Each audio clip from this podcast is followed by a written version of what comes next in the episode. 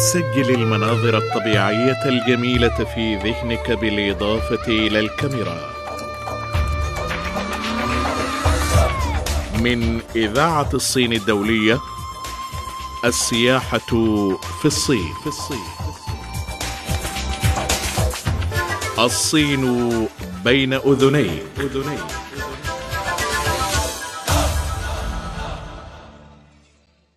مستمعينا الأعزاء مستمع إذاعة الصين الدولية في كل مكان أهلا ومرحبا بكم في حلقة جديدة من برنامجنا الأسبوعي السياحة في الصين. ونقوم سويا برحلات سياحية إلى كل أرجاء الصين. اليوم سنزور مدينة جانية الجذابة بشمال غربي الصين.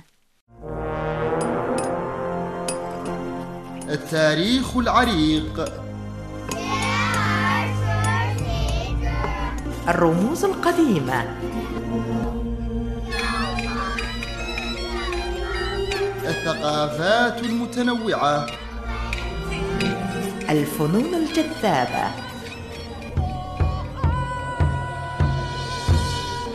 إذاعة الصين الدولية تقدم لكم. الصين الجميلة. تقع مدينة جانية في منتصف ممر خشي بشمال غربي مقاطعة كانسو وقد جعلها هذا الموقع الجغرافي المتميز مكانا هاما على طريق الحرير القديم وشريانا حيويا للجسر الأوراسي القاري. كما أن جانية نقطة التقاء لثقافتين الشرقية والغربية ومجتمع متعدد الأعراق حيث يقطنها أبناء قومية يوغو الذين يعيشون في جانية فقط. هذا إضافة إلى تنوع المناظر الطبيعية والإنسانية فيها مما يجعلها مدينة تاريخية ثقافية مشهورة ومدينة سياحية واعدة في الصين. معبد دافو من أشهر المقاصد السياحية في مدينة جانية وفي عام 1098 ميلادية بدأ بناء هذا المعبد الذي يحتضن أكبر تمثال داخلي متكي لبوذا في آسيا وهو تمثال نيرفانا لساكياموني. يبلغ ارتفاع التمثال 34.5 مترا وعرضه 7.5 أمتار ويصل طول أذن تمثال إلى نحو أربعة أمتار وطول قدمه 5.2 أمتار. ويتسع وسط تمثال لاستلقاء شخص واحد. وتتسع أذنه لجلوس ثمانية أشخاص جنبا إلى جنب. بني تمثال بوذا المتكي من الداخل إلى الخارج. أي بني هيكل تمثال الخشبي أولا ثم أضيفت الألواح الخشبية إلى الهيكل. وبعد ذلك دهنت الألواح الخشبية بالطين وتم رسم عليها. توجد في داخل المعبد بعض اللوحات الجدارية ومنها لوحة تصور رواية الحج إلى الغرب التي تضم قصصا مثيرة للكبار والصغار في كل العصور. ويقال إن القائد المنغولي جوبيلا خان ولد في معبد دافو كما أقام رحالة الإيطالي المعروف ماركو بولو في جانيا لمدة سنة زار خلالها معبد دافو عدة مرات. في مكتبة المعبد عدد كبير من الكتب البوذية المقدسة القديمة التي ما زالت محفوظة جيدا برغم ما مر عليها من حروب واضطرابات خلال أكثر من 600 سنة.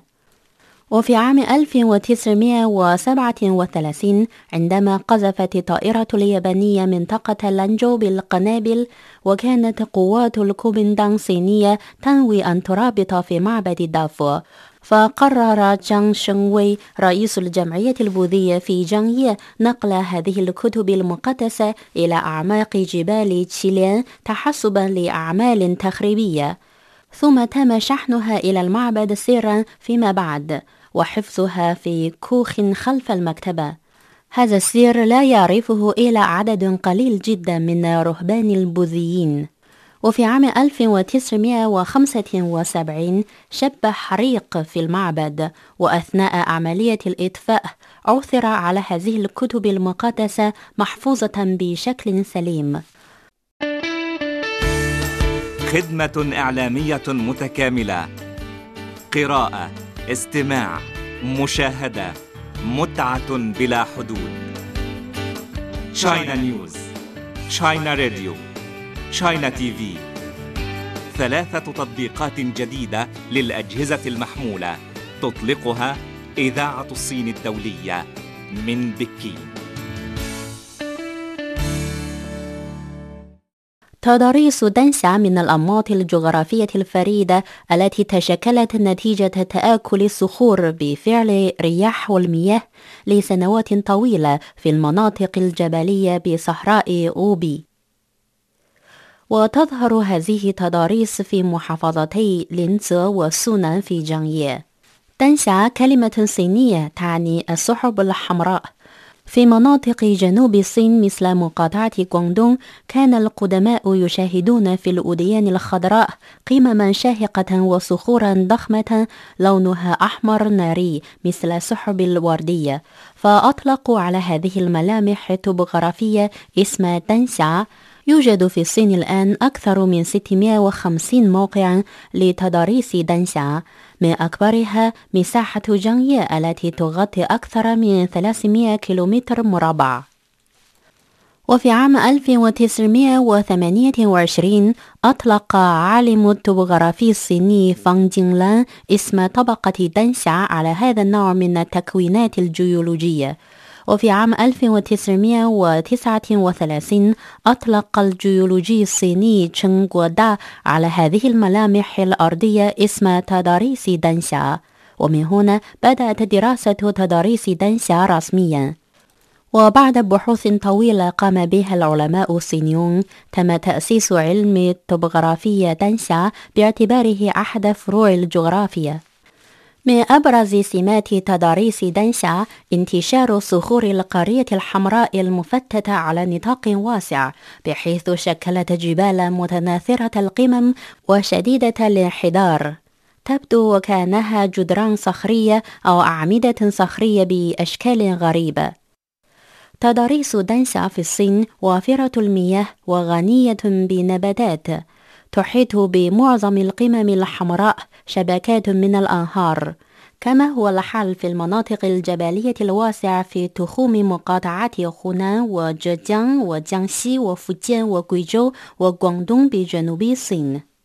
تضاريس دنشا ليست في الصين وحدها حيث يوجد أحد عشر موقع على الأقل من مواقع التراث العالمي التي أقرتها لجنة التراث العالمي لمنظمة الأمم المتحدة للتربية والعلوم والثقافة أيونسكو تنتمي إلى تضاريس دنشا كليا أو جزئيا منها حديقة كانايما الوطنية التي يقع فيها أعلى مسقط مائي في العالم شلالات أنجل في فنزويلا.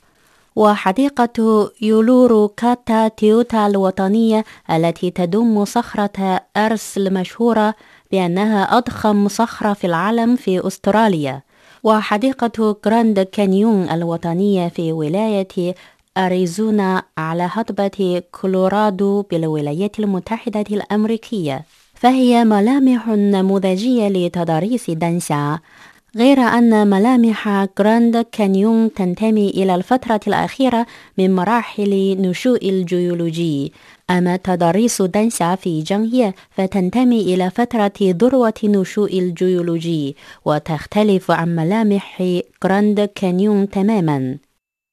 تضاريس دنشا في جانية ومناطق الصين الأخرى هي أكبر مجموعة من طبوغرافية دنشا في العالم مساحة وأكثرها نموذجية في النشوء وأكملها في الأنواع وأوفرها في الأشكال. وأكد خبراء اليونسكو قيمتها تأكيدا تاما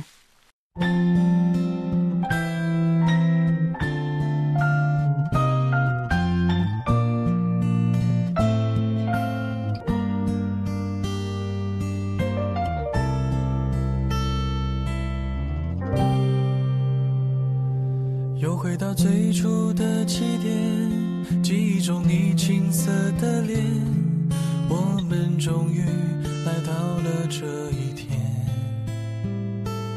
桌垫下的老照片，无数回忆连接。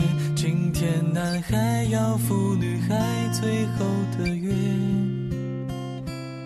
又回到最初的起点，呆呆地站在镜子前，笨拙系上红色领带的结，将头发梳成大人模样，穿上一身帅气西装，等会儿见你一定比想象美。好想再回到那些年的时光，回到教室座位前后，故意讨你温柔黑板上排列组合，你舍得解开吗？谁与谁做他，又爱着他？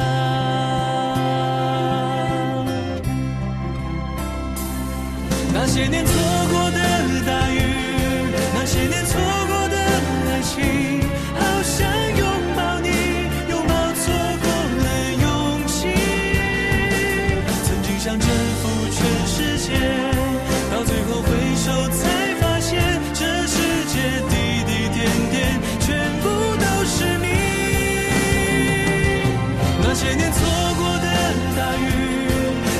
错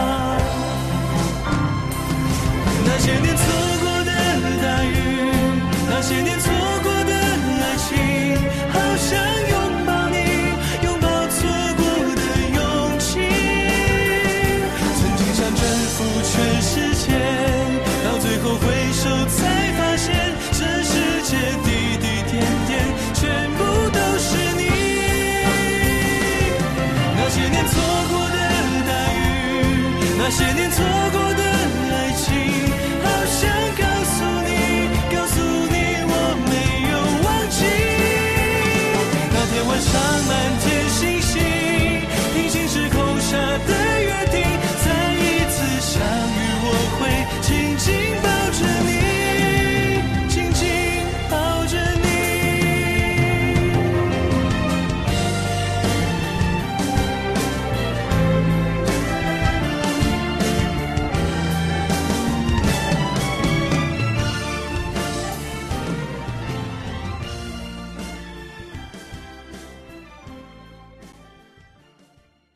تعد مزرعة خيول شندا أقدم مزرعة خيول في العالم وثاني أكبر مزرعة خيول في العالم وأكبر مزرعة خيول في آسيا.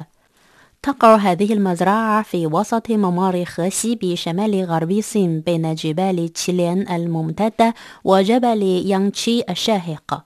تبلغ المساحة الإجمالية للمزرعة 219 ألف هكتار. ومنذ فترة أسرة هن الغربية بدأت المزرعة تدريب وتربية خيول شندان التي تربى على طريقة الخيول المنغولية. بالإضافة إلى تهجين أصناف خيول من المناطق الغربية. ثم أصبحت المزرعة قاعدة لتربية الخيول العسكرية الإمبراطورية لكل فترة لتاريخ الصين. ومنذ تأسيس جمهورية الصين الشعبية في عام 1949 حتى الآن تم تربية أكثر من 100 ألف من الخيول العسكرية فيها. تمتاز مزرعة خيول شندن بمناظر المروج وملامح المياه والجبال الفريدة وهي مروج فسيحة تجمع ثقافات الخيول وتاريخ والعسكرية وغيرها من الثقافات المتعددة. مما يجعلها من المقاصد المفضلة لتصوير الأفلام والمسلسلات التلفزيونية. وفي الصيف تبرز مشاهد المروج الخضراء الفسيحة تحت سماء زرقاء وسحب البيضاء وجبال تشيلين الثلجية. وتزخرف قطعان الخيول والأبقار والأغنام هذه لوحة طبيعية مما يشكل صورة ريفية ملونة. وبالفعل تشكل هذه المزرعة منتجعا صيفيا سياحيا حقيقيا هنا نافذة للتعرف على الصين والعالم. هنا شبكة لمعرفة الأصدقاء الصينيين. أنقر فيسبوك وتويتر وتابع CRI Arabic لتتضح لك الرؤية بشكل أروع. تقع كهوف معبد ماتي في محافظة سونان ذاتية الحكم لقومية يوغو في دائرة جانيه يرجع تاريخ كهوف معبد ماتي إلى ما قبل 1600 سنة. هذه الكهوف مقصد سياحي حاليا. يستمتع زائرها بفنون الكهوف ومناظر جبال تشيلين وعادات وتقاليد قومية يوغو. وتضم هذه المنطقة سبعة مناطق سياحية هي معبد شنغو ومعبد بوغونغ وكهف تشينفو ومعبد جنتا وكهوف جوانين إله رحمة الأعلى والأوسط والأدنى. جدير بالذكر أن البوذية الصينية تشمل ثلاث مدارس رئيسية هي بوذية بالي وبوذية هان وبوذية تيبت. في البداية كان معبد ماتي معبدا لبوذية هان ثم أصبح معبدا لبوذية تبتية فيما بعد. خلال فترة ثورة ثقافية في ستينات القرن الماضي لحق بالمعبد تخريب كبير امتد إلى الكهوف ورسوم الجدارية وتماثيل والمباني القديمة خارج الكهوف. معظم الآثار الثقافية في المعبد تم إصلاحها واستعادتها منذ تطبيق سياسة الإصلاح والانفتاح عام 1979 وبالإضافة إلى زيارة كهوف معبد ماتي يمكن زيارة خيام أبناء قومية يوغو واحتساء مشروبات يوغو المحلية وتناول لحم باليد وشرب شاي الزبدة التبتي وتمتع برقصات يوغو. بل ومعايشة أسلوب حياة أبناء قومية يوغو البدوية في المروج وتعرف على ثقافتها وعاداتها وتقاليدها. حديقة خيخ الوطنية للأرض الرطبة في جانية جزء هام للنظام الإيكولوجي في هذه المنطقة الداخلية القاحلة وتلعب دورا بيئيا لا غنى عنه في تنظيم وتخزين الموارد المائية وتنقية المياه والحفاظ على التنوع البيولوجي للأرض الرطبة ومنع التصحر وغيرها من الوظائف الإيكولوجية الهامة. وفي جنوبي المدينة توجد حديقة رياضات صحراوية الوطنية حيث يمكن القيام فيها بكثير من النشاطات الصحراوية مثل التخييم وسباقات صحراوية وسباق العربات الكارتينغ صحراوي وطيران شراعي في الصحراء وألعاب ضربة المضادة CS الميدانية وغيرها.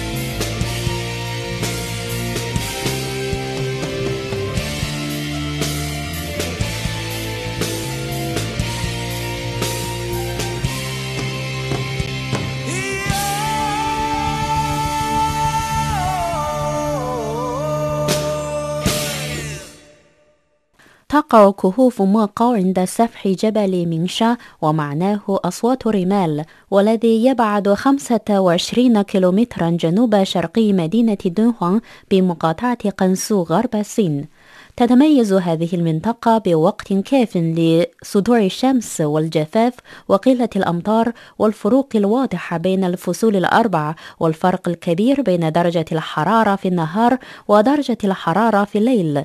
تمتد كهوف موقو لأكثر من 1600 متر من الجنوب إلى الشمال وتنقسم إلى خمسة طوابق ويبلغ ارتفاع الكهف الأعلى بها 50 مترا ويبلغ عدد كهوف موقو 492 كهفا وفيها أكثر من 45 ألف متر مربع من الرسوم الجدارية و2415 تمثالا ملونا بالإضافة إلى 4000 تمثال لإله فيتين لذلك تسمى بكهوف ألف بوذا.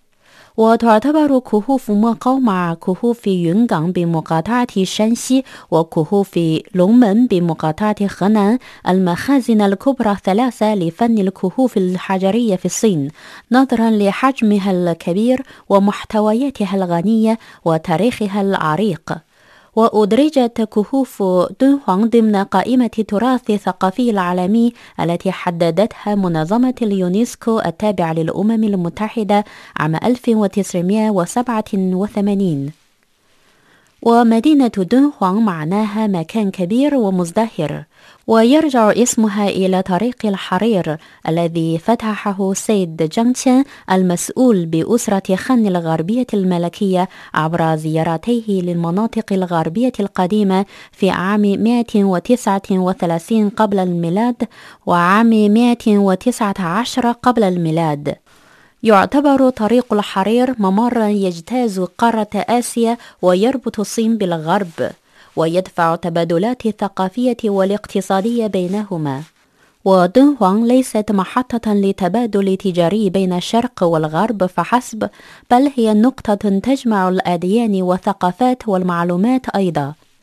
انتشر دين البوذي من المناطق الغربية القديمة إلى داخل الصين عبر دهوان وأظهرت 492 كهفا بكهوف موقو الفن البوذي الذي امتد لأكثر من ألف سنة عبر تماثيل ورسوم جدارية فيها. ويذكر أنه في عام 366 ميلادية كان راهب يدعى لزون قد زار هناك. حيث رأى أشعة الشمس ذهبية المشابهة لتماثيل الألف لبوذا في جبل سانوي بالجهة المقابلة لموقو فاعتقد أن هناك مكان بوذي ثم حفر أول كهف فيه. وفي عهد أسرة سوي الملكية وأوائل عهد أسرة تانغ الملكية دخلت أعمال الحفر مرحلة مزدهرة.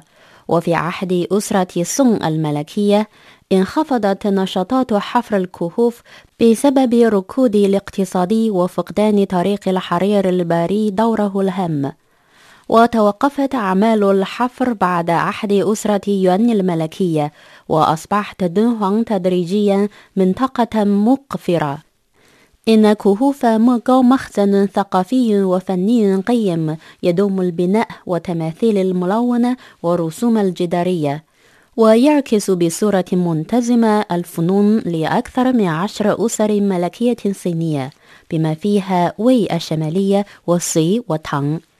وتشمل محتويات الكهوف الفن والتاريخ والاقتصاد والثقافة والأديان والتعليم وغيرها في المجتمع القديم. لذلك تتمتع بقيمة عالية للبحوث التاريخية والفنية والعلمية. فإن كهوف موغو هي كنوز تاريخية للأمة الصينية وثروة ثقافية ممتازة للبشرية.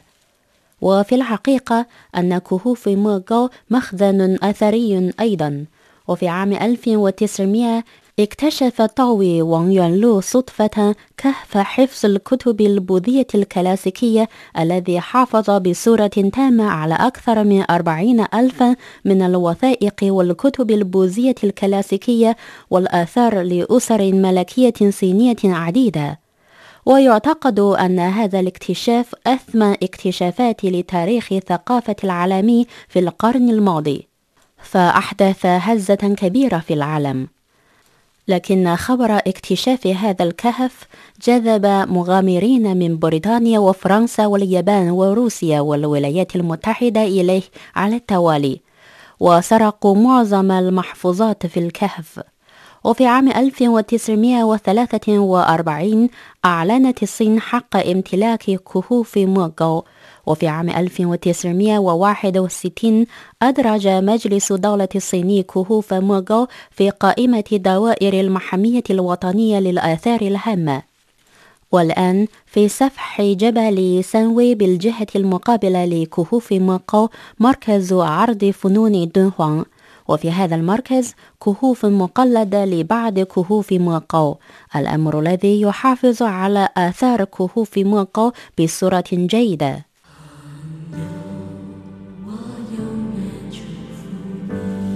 هكذا مستمعين الأعزاء نصل وإياكم إلى ختام حلقة اليوم من برنامجنا الأسبوعي السياحة في الصين. أتمنى أن تكونوا قد استمتعتم معنا في الدقائق الماضية. وللمزيد حول الصين والعالم تفضلوا بزيارة موقعنا على شبكة الإنترنت على العنوان arabic.cri.cn أجمل تحية من صديقتكم حنان ليجن في الإعداد والتقديم. وإلى اللقاء 这一刻，围着烛光，让我们静静的度过。莫回首，莫回头。当我唱起这首歌，怕只怕泪水轻轻的滑落。愿心中永远留着我的笑容。伴你走过每一 个春夏秋冬，继续愁，继续忧，人生难免苦与痛，失去过才能真正懂得去珍惜和拥有。情难舍，人难留，今朝一别各西东，冷和热。点点滴滴在心头，愿心中永远留着我的笑容，伴你走过每一个春夏秋冬。伤离别，离别虽然在眼前，说再见，再见不会太遥远。有缘，就能期待明天，你和我重逢在灿烂的季节。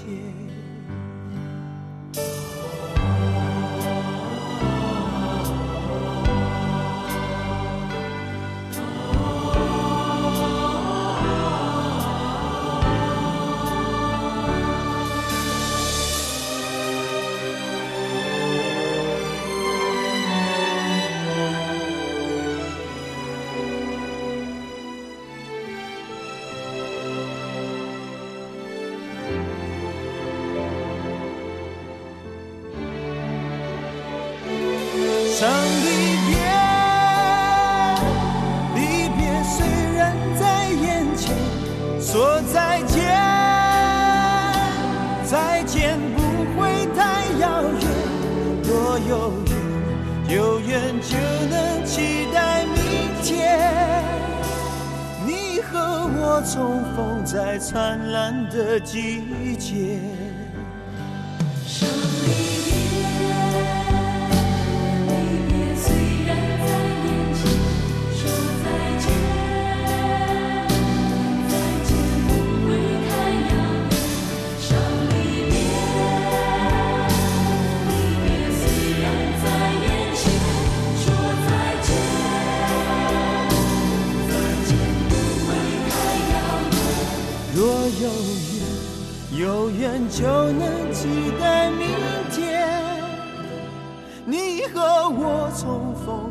灿烂的季节。